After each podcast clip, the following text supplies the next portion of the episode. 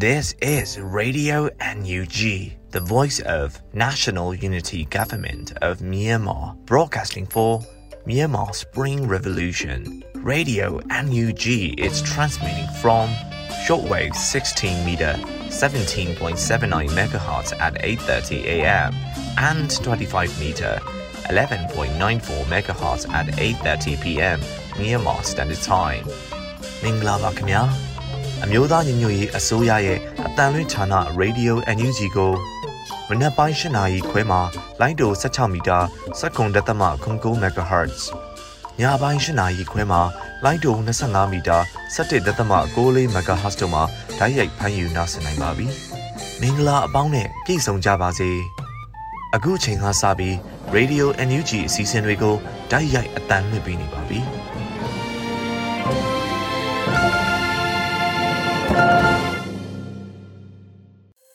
မြန်မာနိုင်ငံသူနိုင်ငံသားအပေါင်းတဘာဝပြီးစစ်အာဏာရှင်ဗီတို့ကနေကင်ဝေးပြီးဘေးကင်းလုံခြုံကျန်းမာကြပါစေလို့ရေဒီယိုအန်ယူဂျီဖွဲ့သားများကဆုတောင်းမေတ္တာပို့သလိုက်ရပါတယ်ရှင်ပထမဆုံးအနေနဲ့ကာကွယ်ရေးဝန်ကြီးဌာနရဲ့စစ်ရေးတရင်အချင်းချုပ်ကိုလွတ်လပ်နေဦးမှတင်ပြပေးမှာဖြစ်ပါတယ်ရှင်အခုချိန်မှစပြီးအမျိုးသားညီညွတ်ရေးဆိုရ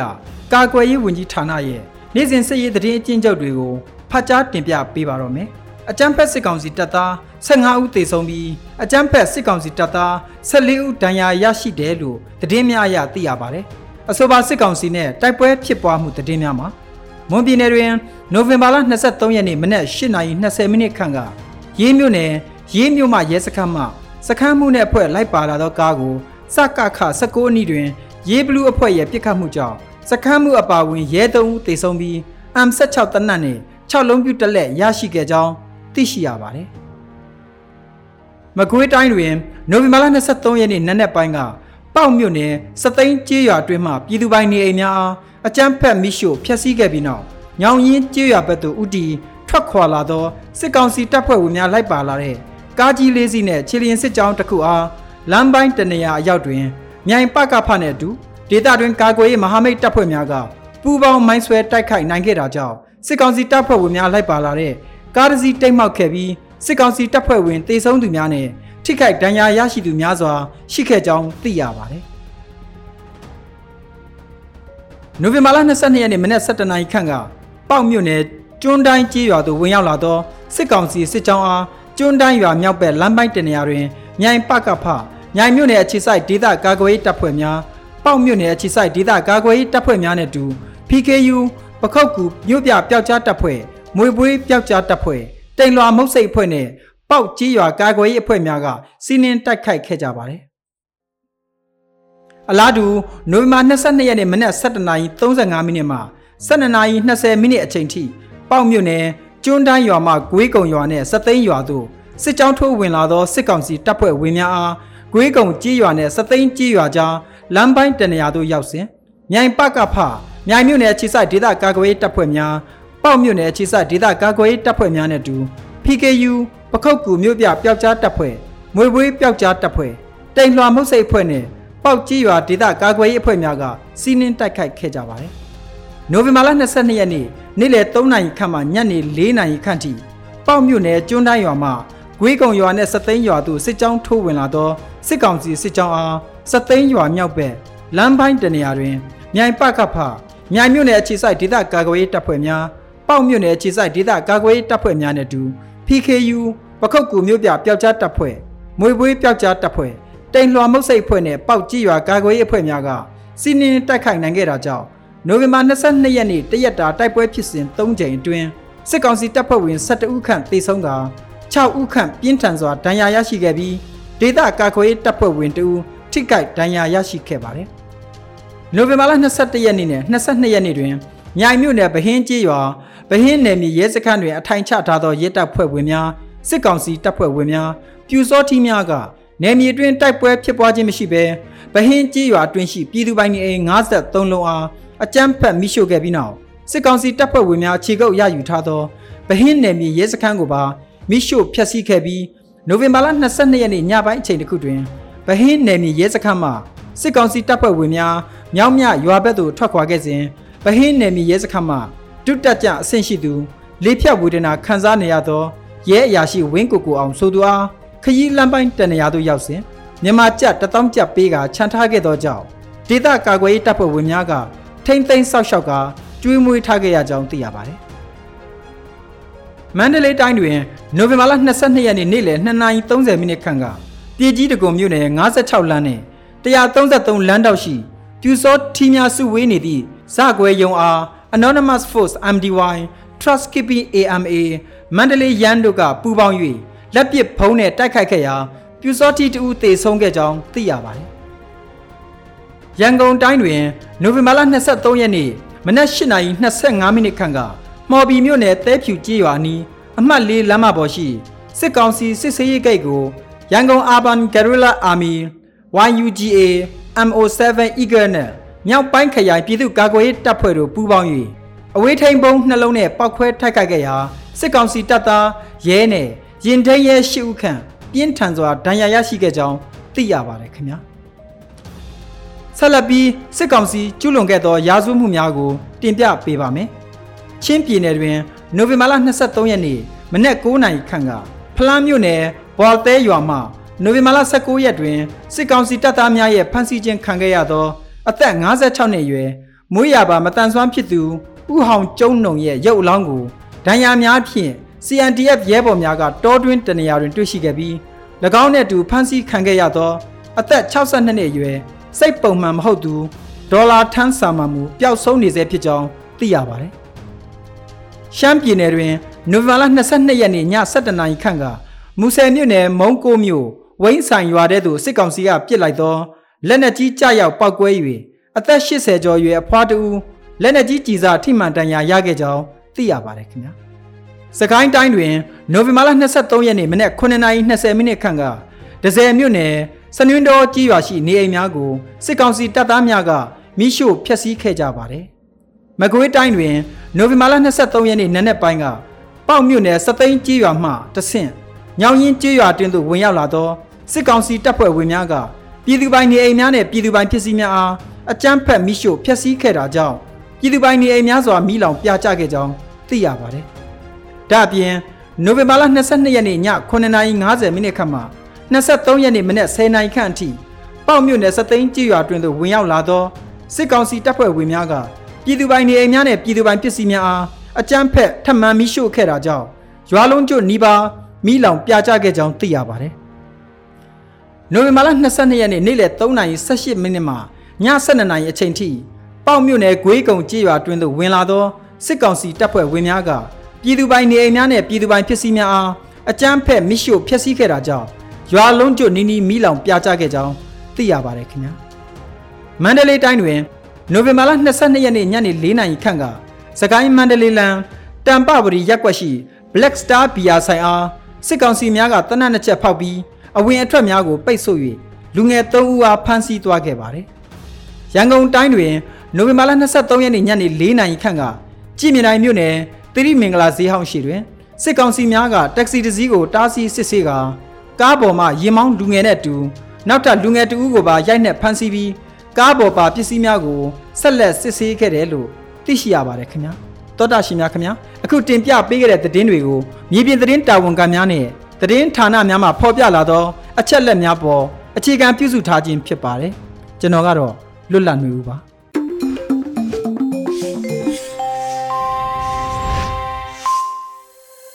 ဆက်လက်ပြီး Radio UNG ရဲ့နောက်ဆုံးရသတင်းများကိုຫນွေဦးမိုင်မှဖက်ကြားတင်ပြပေးပါမယ်ရှင်။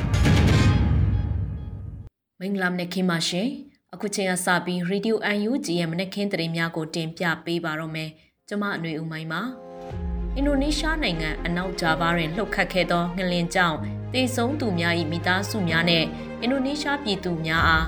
အလေးအနက်ဝန်းနေကြောင်းယာယီသမရဒူဝါလက်ရှိလာပြောကြားလိုက်တဲ့သတင်းကိုဥစွာတင်ပြပေးပါမယ်။အင်ဒိုနီးရှားနိုင်ငံအနောက်ဂျာဗားတွင်လှုပ်ခတ်ခဲ့သောငလင်ကြောင့်တေဆုံးသူများ၏မိသားစုများနဲ့အင်ဒိုနီးရှားပြည်သူများအားအလေးအနက်ဝန်းနေကြောင်း ယာယီသမရဒူဝါလက်ရှိလာပြောကြားလိုက်ပါတယ်။နိုမာလာနောက်ဆုံးပတ်မှာ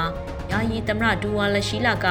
Twitter မှာရေးသားပြောပါတယ်။အင်ဒိုနီးရှားနိုင်ငံအနောက်ဂျာဗားတွင်လှုပ်ခတ်ခဲ့သောငလင်အကြောင်းကြားသိရတဲ့အတွက်အလွန်စိတ်မကောင်းဖြစ်မိပါတယ်။ UNG နဲ့မြန်မာပြည်သူများကိုစားသမရဂျိုကိုဝီတူနဲ့တေဆုံးသူများ၏မိသားစုများနဲ့အင်ဒိုနီးရှားပြည်သူများအားအလေးအနက်ဝန်းနေကြောင်းပြောကြားလိုပါတယ်လို့ဆိုထားပါတယ်။ အင်ဒိုနီးရှားနိုင်ငံအနောက်ဂျာဗာပြည်နယ်မှာနိုဝင်ဘာ22ရက်နေ့ကပြင်းအား9.6ရှိသောမြေငလင်လှုပ်ခတ်ခဲ့ပြီးလူပေါင်း162ဦးသေဆုံးကြောင်းသတင်းရရှိပါရရှင်။အမျိုးသားညီညွတ်ရေးအစိုးရမှရှမ်းနှစ်သက်ကူပွဲတော်နေ့နဲ့ကရန်နှစ်သက်ကူနေ့အတွက်တဝန်လွှာများပေးပို့တဲ့သတင်းကိုဆက်လက်တင်ပြပေးပါမယ်။အမျိုးသားညီညွတ်ရေးအစိုးရမှရှမ်းနှစ်သက်ကူပွဲတော်နေ့နဲ့ ကရန်နှစ်သက်ကူနေ့အတွက်တဝန်လွှာများပေးပို့ခဲ့ပါတယ်။နိုမာလ23ရက်မှာအမျိုးသားညီညွတ်ရေးအစိုးရကတဝန်လွှာများအသီးသီးပေးပို့ခဲ့ပါတယ်။2118ခုနှစ်ရှမ်းနှစ်သက်ကူပွဲတော်နေ့တွင်ရှမ်းပြည်သူအားလုံးမင်္ဂလာအပေါင်းနဲ့ပြည့်စုံပါစေကြောင်းဆုတောင်းမေတ္တာပို့တာအပ်ပါတယ်လို့ဆိုထားပြီးအလားတူ2962ခုနှစ်မြောက်ကရနှစ်သက်ကူနေ့တွင် ကရပြည်သူအားလုံးမင်္ဂလာအပေါင်းနဲ့ပြည့်စုံပါစေကြောင်းဆုတောင်းမေတ္တာပို့တာအပ်ပါတယ်လို့ဖော်ပြပါတယ်။နှစ်သက်ကူအချိန်ဟာနှစ်ဟောင်းတွင်ဖြတ်တန်းခဲ့ရသည့်အတွေ့အကြုံများကိုပြန်လည်ဆင်ခြင်သုံးသပ်ပြီးနှစ်သက်တွင်တာ၍ကောင်းမွန်သောကောင်းကျိုးများရရှိရန်အတွက်ခွန်အားသစ်များမွေးဖွားရသည့်အချိန်ကာလဖြစ်ပါတယ်။နှစ်သက်ကိုကြိုဆိုရင်းရှမ်းကရန်လူမျိုးတို့၏တမိုင်းအဆက်ဆက်ကိုဂုံဝင့်ထဲစွာဖြင့်လက်ဆင့်ကမ်းလာခဲ့သောစာပေဂီတ အမှုပညာစားဖွယ်တောက်ဖွယ်စုံလင်စွာဖြင့်ပွဲလာတပင်များကျင်းပရမည့်အချိန်ကာလလည်းဖြစ်ပါတယ်လို့ဆိုပါတယ်။သို့တော်လည်းအကြမ်းဖက်စစ်ကောင်စီ၏ဖိနှိပ်ချဲလဲမှုများကြောင့်ရှမ်းကရန်ပြည်သူများများစွာသည်ဘေးကင်းလုံခြုံမှုမရှိဘဲစိုးရင်ထိတ်လန့်စိတ်ဖြင့်တော်၎င်းစစ်ပေးရှောင်ဘဝဖြင့်တော်၎င်းနှစ်သက်ကူပွဲတော်အချိန်အခါအားဖျက်တမ်းနေကြရသည်ကိုများစွာဝမ်းနည်းကြေကွဲရပါတယ်လို့ဆိုပါတယ် စစ်အာဏာရှင်စနစ်ဆိုးကြောင့်ဤပြည်ထောင်စုတွင်ဖြစ်တည်ခဲ့သောခေတ်အစစ်စစ်တယံတရများပြိပခများကိုအပီးတိုင်ချုပ်ငိမ့်ပြီးတန်းတူရေးနှင့်ကိုပိုင်ပြထမ်းခွင့်အပြည့်အဝရှိသောစီးလုံးငင်းချမ်းသည့် Federal Democracy ပြည်ထောင်စုကြီးစီတို့အတူတကွလက်တွဲလျှောက်လှမ်းကြပါစို့ဟုနှစ်သက်ကူစုတောင်းမင်္ဂလာပို့တာအပ်ပါတယ်လို့အမျိုးသားညီညွတ်ရေးအစိုးရကတဝန်လွှာမှာဖော်ပြပါရှိပါတယ်ရှင်။ဆက်လက်ပြီးအာဆီယံထဲကနိုင်ငံများနဲ့ NUG အစိုးရပုံမှန်ထိတွေ့ဆက်ဆံမှုရှိနေတယ်လို့ဆိုလိုက်တဲ့သတင်းကိုတင်ပြပေးပါမယ်။အာဆီယံထဲကနိုင်ငံများနဲ့ NUG အစိုးရပုံမှန်ထိတွေ့ဆက်ဆံမှုရှိရလို့နိုင်ငံခြားရေးဝန်ကြီးဒေါ်စင်မအောင်ကဆိုပါတယ်။နိုမာလာအတွင်းသတင်းဌာနတစ်ခုနဲ့မေးမြန်းချက်စီစဉ်မှာနိုင်ငံခြားရေးဝန်ကြီးဒေါ်စင်မအောင်ကပြောပါရယ်ထိပ်သီးအစည်းအဝေးပြီးကလေးကအာဆီယံအနေနဲ့ AUG နဲ့ထိတွေ့ဆက်ဆံဖို့ကန့်လှမ်းတာမျိုးမရှိသေးပါဘူး။သူတို့နဲ့ပုံမှန်ဆက်သွယ်ရှိပါတယ်။ မလေးရှားနိုင်ငံခြားရေးဝန်ကြီးနဲ့ပုံမှန်ထိတွေ့ဆက်ဆံမှုရှိရလို့ဝန်ကြီးကဆိုပါတယ်။ဒါအပြင်လူသားချင်းစာနာထောက်ထားမှုဆိုင်ရာအကူအညီများပေးအပ်ရာမှာပူးပေါင်းဆောင်ရွက်နိုင်မှုအခြေအနေကို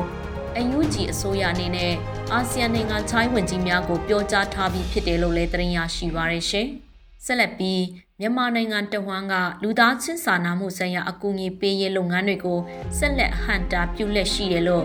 UNOCHA မြန်မာကထုတ်ပြန်လိုက်တဲ့သတင်းကိုတင်ပြပေးပါမယ်။မြန်မာတဝန်းကလူသားချင်းစာနာမှုဆိုင်ရာအကူအညီပေးရေးလုပ်ငန်းတွေကိုဆက်လက်ဟန်တာပြုလက်ရှိရလို့ UNOCHA မြန်မာကထုတ်ပြန်ပါတယ်။နိုမာ23ရက်မှာ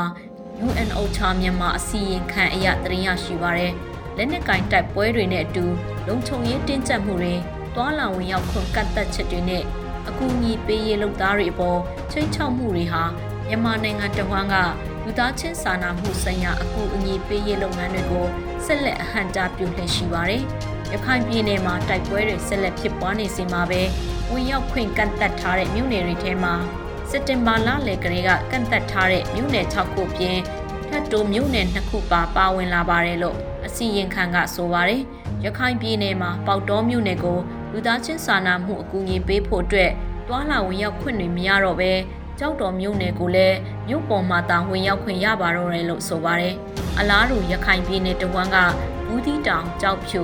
ကြောက်တော်မင်းပြားနဲ့တောင်ခုတ်အပါဝင်မြို့နယ်အများပြားမှာရှာဖွေဖမ်းဆီးမှုတွေတိုးမြင့်လှုပ်ဆောင်နေတယ်လို့ UNOCHA မြန်မာကဖော်ပြပါတယ်။အကြမ်းဖက်စစ်ကောင်စီတပ်များဟာရခိုင်ပြည်နယ်ကိုအင်အားအလိုအကျွံသုံးပြတိုက်ခိုက်လက်ရှိပြီးတော့အရက်သားများကိုလည်းပြစ်မှတ်ထားတိုက်ခိုက်နေတယ်လို့ဒေသခံတွေတချို့ကဆိုထားပါတယ်ရှင်။ ဆက်လက်ပြီး NYCBC ကစီစဉ်ဆောင်ရွက်တဲ့ Car Rafale ticket ရောင်းချရတဲ့ငွေကြေးတွေကိုပ PDF နဲ့တော်လှန်ရေးတွေအတွက်လိုအပ်တဲ့နေရာတွေကိုပြန်လည်လှူဒါန်းမဲ့သတင်းကိုတင်ပြပေးပါမယ်။ NYCBC ကစီစဉ်ဆောင်ရွက်တဲ့ Car Rafale Ticket ရောင်းချရတဲ့ငွေကြေးတွေကို PDF နဲ့တော်လှန်ရေးအတွက်လိုအပ်တဲ့နေရာတွေကိုပြန်လည်လှူဒါန်းမယ်လို့သတင်းရရှိပါရယ်။နိုမာလာအတွင်းမှာကားကန်စားမဲနဲ့ပတ်သက်လို့ NYCBC ကကိုနေတင်မြင့်ကယခုလိုပြောကြားပါရယ်။အာကျွန်တော်နေတင်မြင့်ပါ။အာနယူးယောက်စီးတီးကပါ။အဲကိုမင်းဒီကားကိစ္စလေးကတော့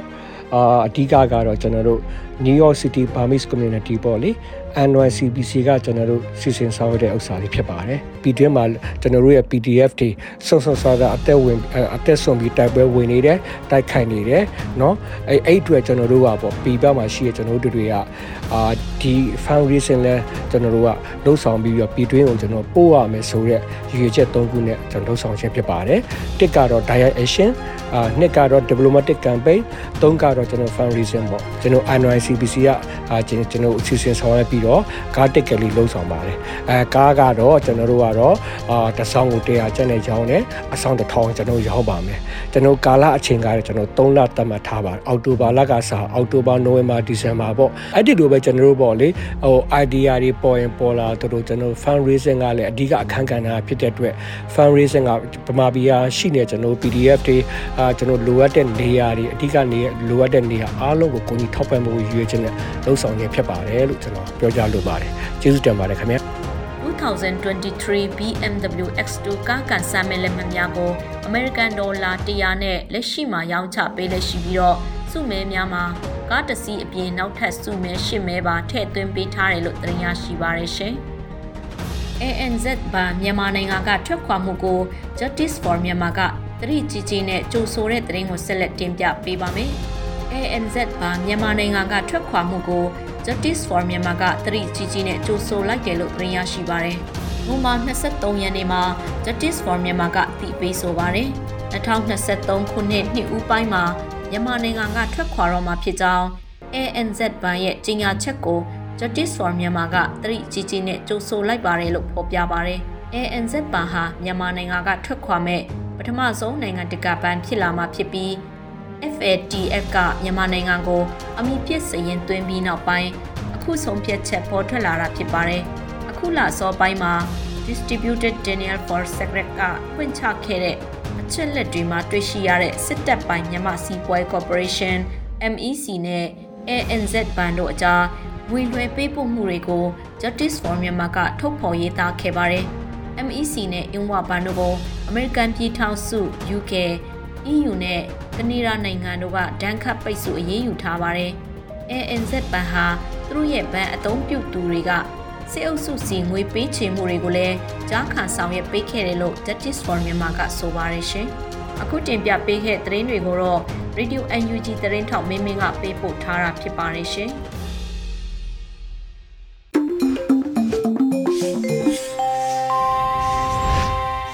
ရေဒီယိုအယူဂျီမှဆက်လက်တမ်းလွှင့်နေပါတယ်။အခုဆက်လက်ပြီးတော်လန်ဤတိဟီတာအစီအစဉ်အနေနဲ့ဆိုဖို့ခွာရေးသားတည်ဆိုထားတဲ့ဒေါ်စိန်အေးရဲ့သားဆိုတဲ့တခြင်းကိုခန်းစားနားဆင်ကြရမှာဖြစ်ပါတယ်ရှင်။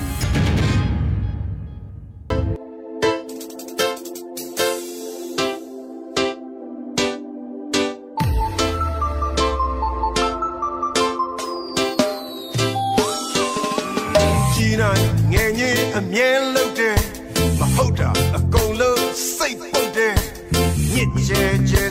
အမြဲတမ်းပြောတဲ့ကောင်အမားကိုအမှန်လို့အမြဲရုပ်တယ်တွေ့ရအကုန်ခိုးသိမ့်ပိုက်တယ်လေးကွာကင်ပြီးရန်ကားနေတဲ့ကောင်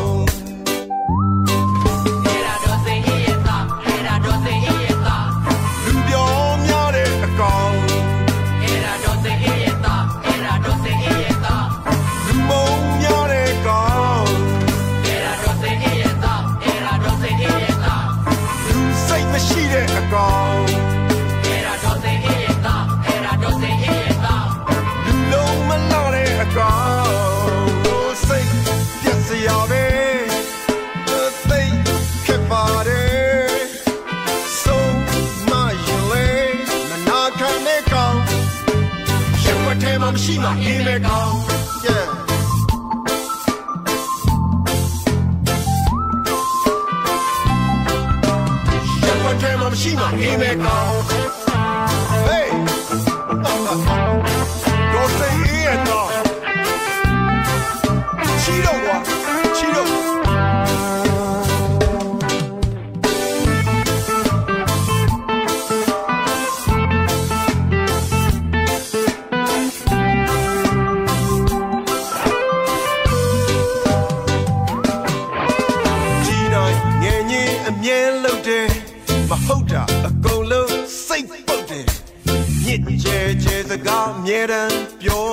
တဲ့အကောင်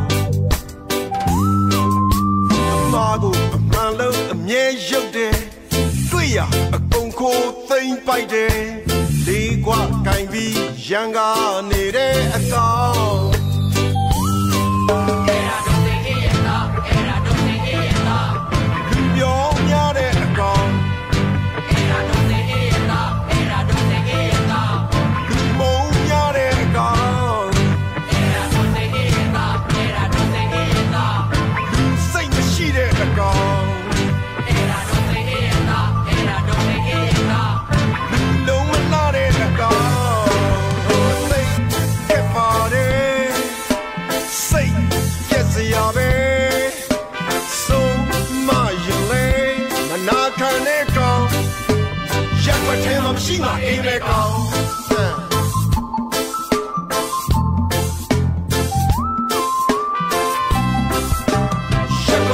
ရှိမှအိမ်မဲ့ကောင် Yeah.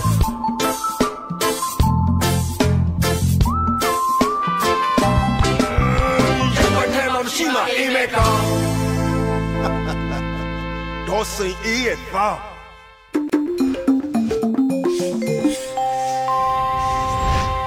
ရေဒီယိုအယူကြီးသောတာရှင်များရှင် PVTV ရဲ့နေ့စဉ်သတင်းများကိုမျိုးတော်ရာမှဖက်ချန်းတင်ပြပေးထားပါတယ်ရှင်။ မြန်မာနိုင်ငံသူနိုင်ငံသားပေါင်း PND အသွေးသွေးကကင်းဝေးပြီးကိုယ်စိတ်နှပါလုံးချုံအေးချမ်းကြပါစေလို့ဆုတောင်းမေတ္တာပို့သလာရပါတယ်။အခုချိန်ကစပြီး PPTV သတင်းတွေကိုတင်ဆက်ပေးတော့မှာပါ။ကျွန်မမျိုးတော်တာပါ။ပထမဆုံးတင်ဆက်မဲ့သတင်းကတော့ပြည်တော်စုလွှတ်တော်ကိုစားပြုကမ္ဘာတီနဲ့ချင်းပြည်နယ်လွှတ်တော်ကိုစားပြုကမ္ဘာတီတို့ကြားလွှတ်တော်လုပ်ငန်းတွေပူးပေါင်းဆောင်ရွက်နိုင်ရေးတွဲဆုံဆွေးနွေးတဲ့သတင်းမှာ ပြည်အောင်စုလွှတ်တော်ကိုစားပြုကမ္ဘာတီ CRPH နဲ့ချင်းပြည်နယ်လွှတ်တော်ကိုစားပြုကမ္ဘာတီ CRCH တို့အကြားလွှတ်တော်လုပ်ငန်းတွေပူးပေါင်းဆောင်ရွက်နိုင်ရေးတွဲဆုံဆွေးနွေးမှုကိုနိုဝင်ဘာ22ရက်ည8:00နာရီမှာဗီဒီယိုကွန်ဖရင့်ကတဆင့်ပြုလုပ်ခဲ့ကြပါတယ်။ အစည်းအဝေးမှာပြည်တော်စုလွှတ်တော်ကိုစားပြုကမ္ဘာတီဥက္ကဋ္ဌဦးအောင်ကြည်ညွန့်ကအဖွင့်အမှာစကားပြောကြားပြီးနောက်ချင်းလွှတ်တော်ကိုစားပြုကမ္ဘာတီဥက္ကဋ္ဌဦးပါထံကလွှတ်တော်ဆိုင်ရာလုပ်ငန်းတွေအတွက်ဆွေးနွေးမှုတွေပြုလုပ်ခဲ့ပါတယ်။ချင်းလွတ်တော်ကိုစားပြုကမ္ဘာတီဥက္ကဋ္ဌဥပါထံက ပုံမချိတ်ဆက်လှုပ်ဆောင်နိုင်စေရန်ရှေ့ဆက်ပြီးပူးပေါင်းဆောင်ရွက်လိုတဲ့လုပ်ငန်းတွေအပါအဝင်ချင်းပြည်နယ်ရှိအုပ်ချုပ်ရေးကာကွယ်ရေးနဲ့ဆက်လင်းတဲ့မြေပြင်အခြေအနေတွေလူသားချင်းစာနာထောက်ထားမှုဆိုင်ရာလိုအပ်နေတဲ့အကူအညီတွေ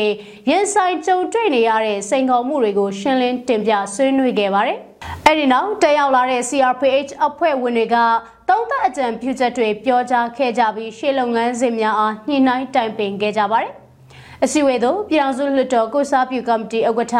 အတွင်းရေးမှူးတွေနဲ့အဖွဲ့ဝင်တွေချင်းပြည်နယ်လွှတ်တော်ကိုစားပြုကော်မတီဥက္ကဋ္ဌနဲ့အဖွဲ့ဝင်တွေတက်ရောက်ခဲ့ကြတယ်လို့ပြည်အောင်စုလွှတ်တော်ကိုစားပြုကော်မတီကသတင်းထုတ်ပြန်ပါတယ်။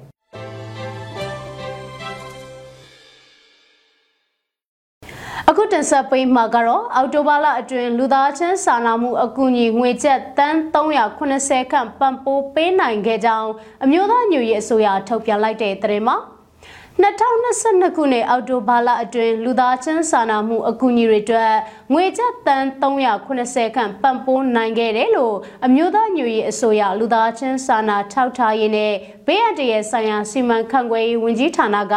နိုဝင်ဘာ22ရက်မှာထုတ်ပြန်ခဲ့ပါတယ်။2022ခုနှစ်အောက်တိုဘာလအတွင်းလူသားချင်းစာနာမှုအကူအညီအတွက်ငွေကျပ်369.88တန်းကိုပံ့ပိုးပေးနိုင်ခဲ့ကြောင်းအာနာသိန်းအကြမ်းဖက်စစ်တပ်ရဲ့မိရှုဖျက်ဆီးမှုဒဏ်တွေကိုခံနေကြရတဲ့ပြည်သူတွေထိုးစစ်ဆင်တိုက်ခိုက်မှုတွေကြောင့်ထွက်ပြေးခိုလုံနေကြရတဲ့ပြည်သူတွေ ဒေါ်လာရင်းမှာပါဝင်ရင်ထိခိုက်ဒဏ်ရာရရှိသူတွေနဲ့အသက်ဆုံးရှုံးရသူတွေရဲ့မိသားစုဝင်တွေအကူအညီလိုအပ်နေတဲ့မတန်ဆွမ်းပြည်သူတွေအတွက်ထထိခိုက်လွယ်အုပ်စုတွေနိုင်ငံရေးအကျဉ်းသားတွေနဲ့အကြောင်းအမျိုးမျိုးကြောင့်လူသားချင်းစာနာမှုအကူအညီလိုအပ်နေသူတွေကိုအမျိုးသားမျိုးရေးအစိုးရလူသားချင်းစာနာထောက်ထားရေးနဲ့ဘေးအန္တရာယ်ဆိုင်ရာစီမံခန့်ခွဲရေးဝန်ကြီးဌာနကမိဘအသီးသီးနဲ့လက်တွဲချိတ်ဆက်ပြီးမြေပြင်ထိရောက်အောင်စ조사ပံ့ပိုးကူညီပေးနေတယ်လို့ဖော်ပြထားပါတယ်။အဲ့ဒီအပြင်အကြမ်းဖက်စစ်တပ်ရဲ့အတားဆီးအမျိုးမျိုးကြားကနေဘေးဒုက္ခခံစားနေကြရတဲ့ပြည်သူတွေလက်ဝဲအရောက်စီစဉ်ဆောင်ရွက်ပေးကြတဲ့ဒေသခံမိဖက်အဖွဲ့တွေကိုယ်စားလှယ်တွေစေရနာဝန်ထမ်းပြည်သူတွေကိုအထူးကျေးဇူးတင်ရှိတယ်လို့လည်းဆက်လက်ဖော်ပြထားပါတယ်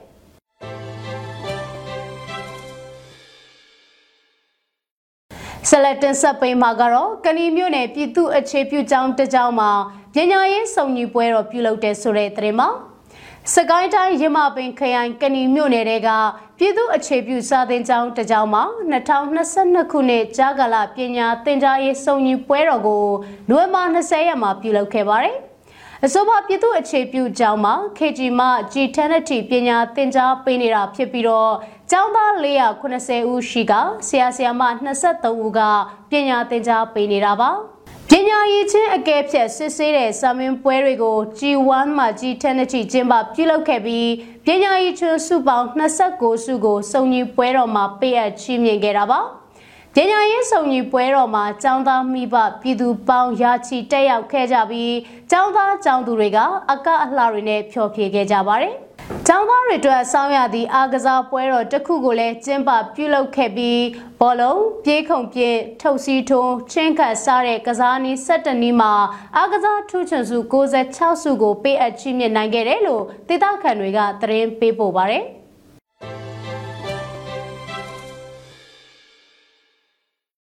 ဆက်လက်တင်ဆက်ပေးမှာကတော့ဟာခါထန်တလန်ကြားတိုက်ပွဲမှာအကြမ်းဖက်စစ်ကောင်စီတပ်ကသေဆုံးထိခိုက်မှုများခဲ့ပြီးလက်နက်နဲ့ကြီးတွေရခဲ့တယ်လို့ CNF CNA ထုတ်ပြန်လိုက်တဲ့သတင်းမှာ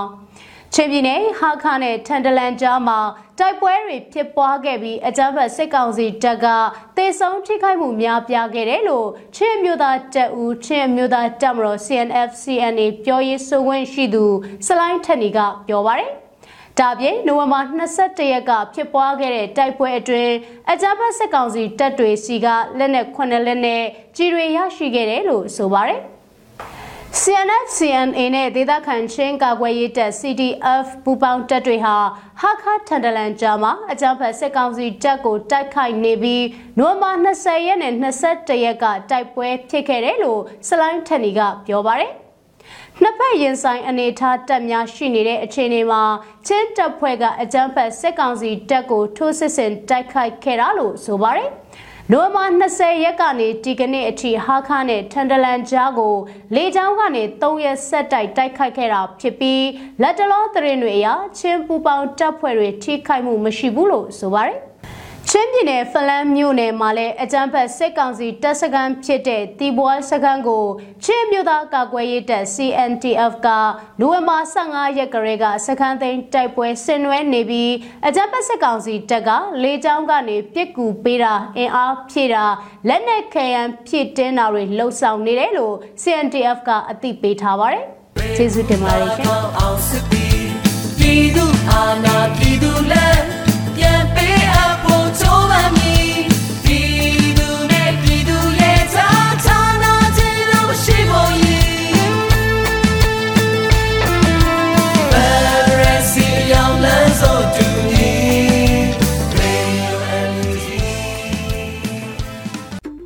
ကတော့ဒီညနေပဲ Radio NUG ရဲ့အစည်းအဝေးတွေကိုခਿੱတရနာလိုက်ပါမယ်။ မြန်မာစံတော်ချိန်မနက်၈နာရီခွဲနဲ့ည၈နာရီခွဲအချိန်တွေမှာပြန်လည်ဆုံးဖြတ်ကြပါစို့။ Radio NUG ကိုမနက်ပိုင်း၈နာရီခွဲမှာလိုင်းဒို16မီတာစက္ကန့်တသမ9 MHz ညပိုင်း၈နာရီခွဲမှာလိုင်းဒို25မီတာ17သမ6 MHz တို့မှာဓာတ်ရိုက်ဖမ်းယူနားဆင်နိုင်ပါပြီ။မြန်မာနိုင်ငံသူနိုင်ငံသားများကိုယ်စိတ်နှပြကျန်းမာချမ်းသာလို့ဘေးကင်းလုံခြုံကြပါစေလို့ Radio NUG အဖွဲ့သူအဖွဲ့သားများကဆုတောင်းလိုက်ရပါတယ်။အမျိုးသားညီညွတ်ရေးအစိုးရရဲ့စက်သွေးရေးတရင်အချက်အလက်နဲ့ဤပညာဝန်ကြီးဌာနကထုတ်လွှင့်နေတဲ့ Radio NUG ဖြစ်ပါတယ်။ San Francisco Bay Area အခြေစိုက်မြန်မာမိသားစုများနဲ့နိုင်ငံတကာကစေတနာရှင်များလှုပ်အားပေးများရဲ့ Radio NUG ဖြစ်ပါတယ်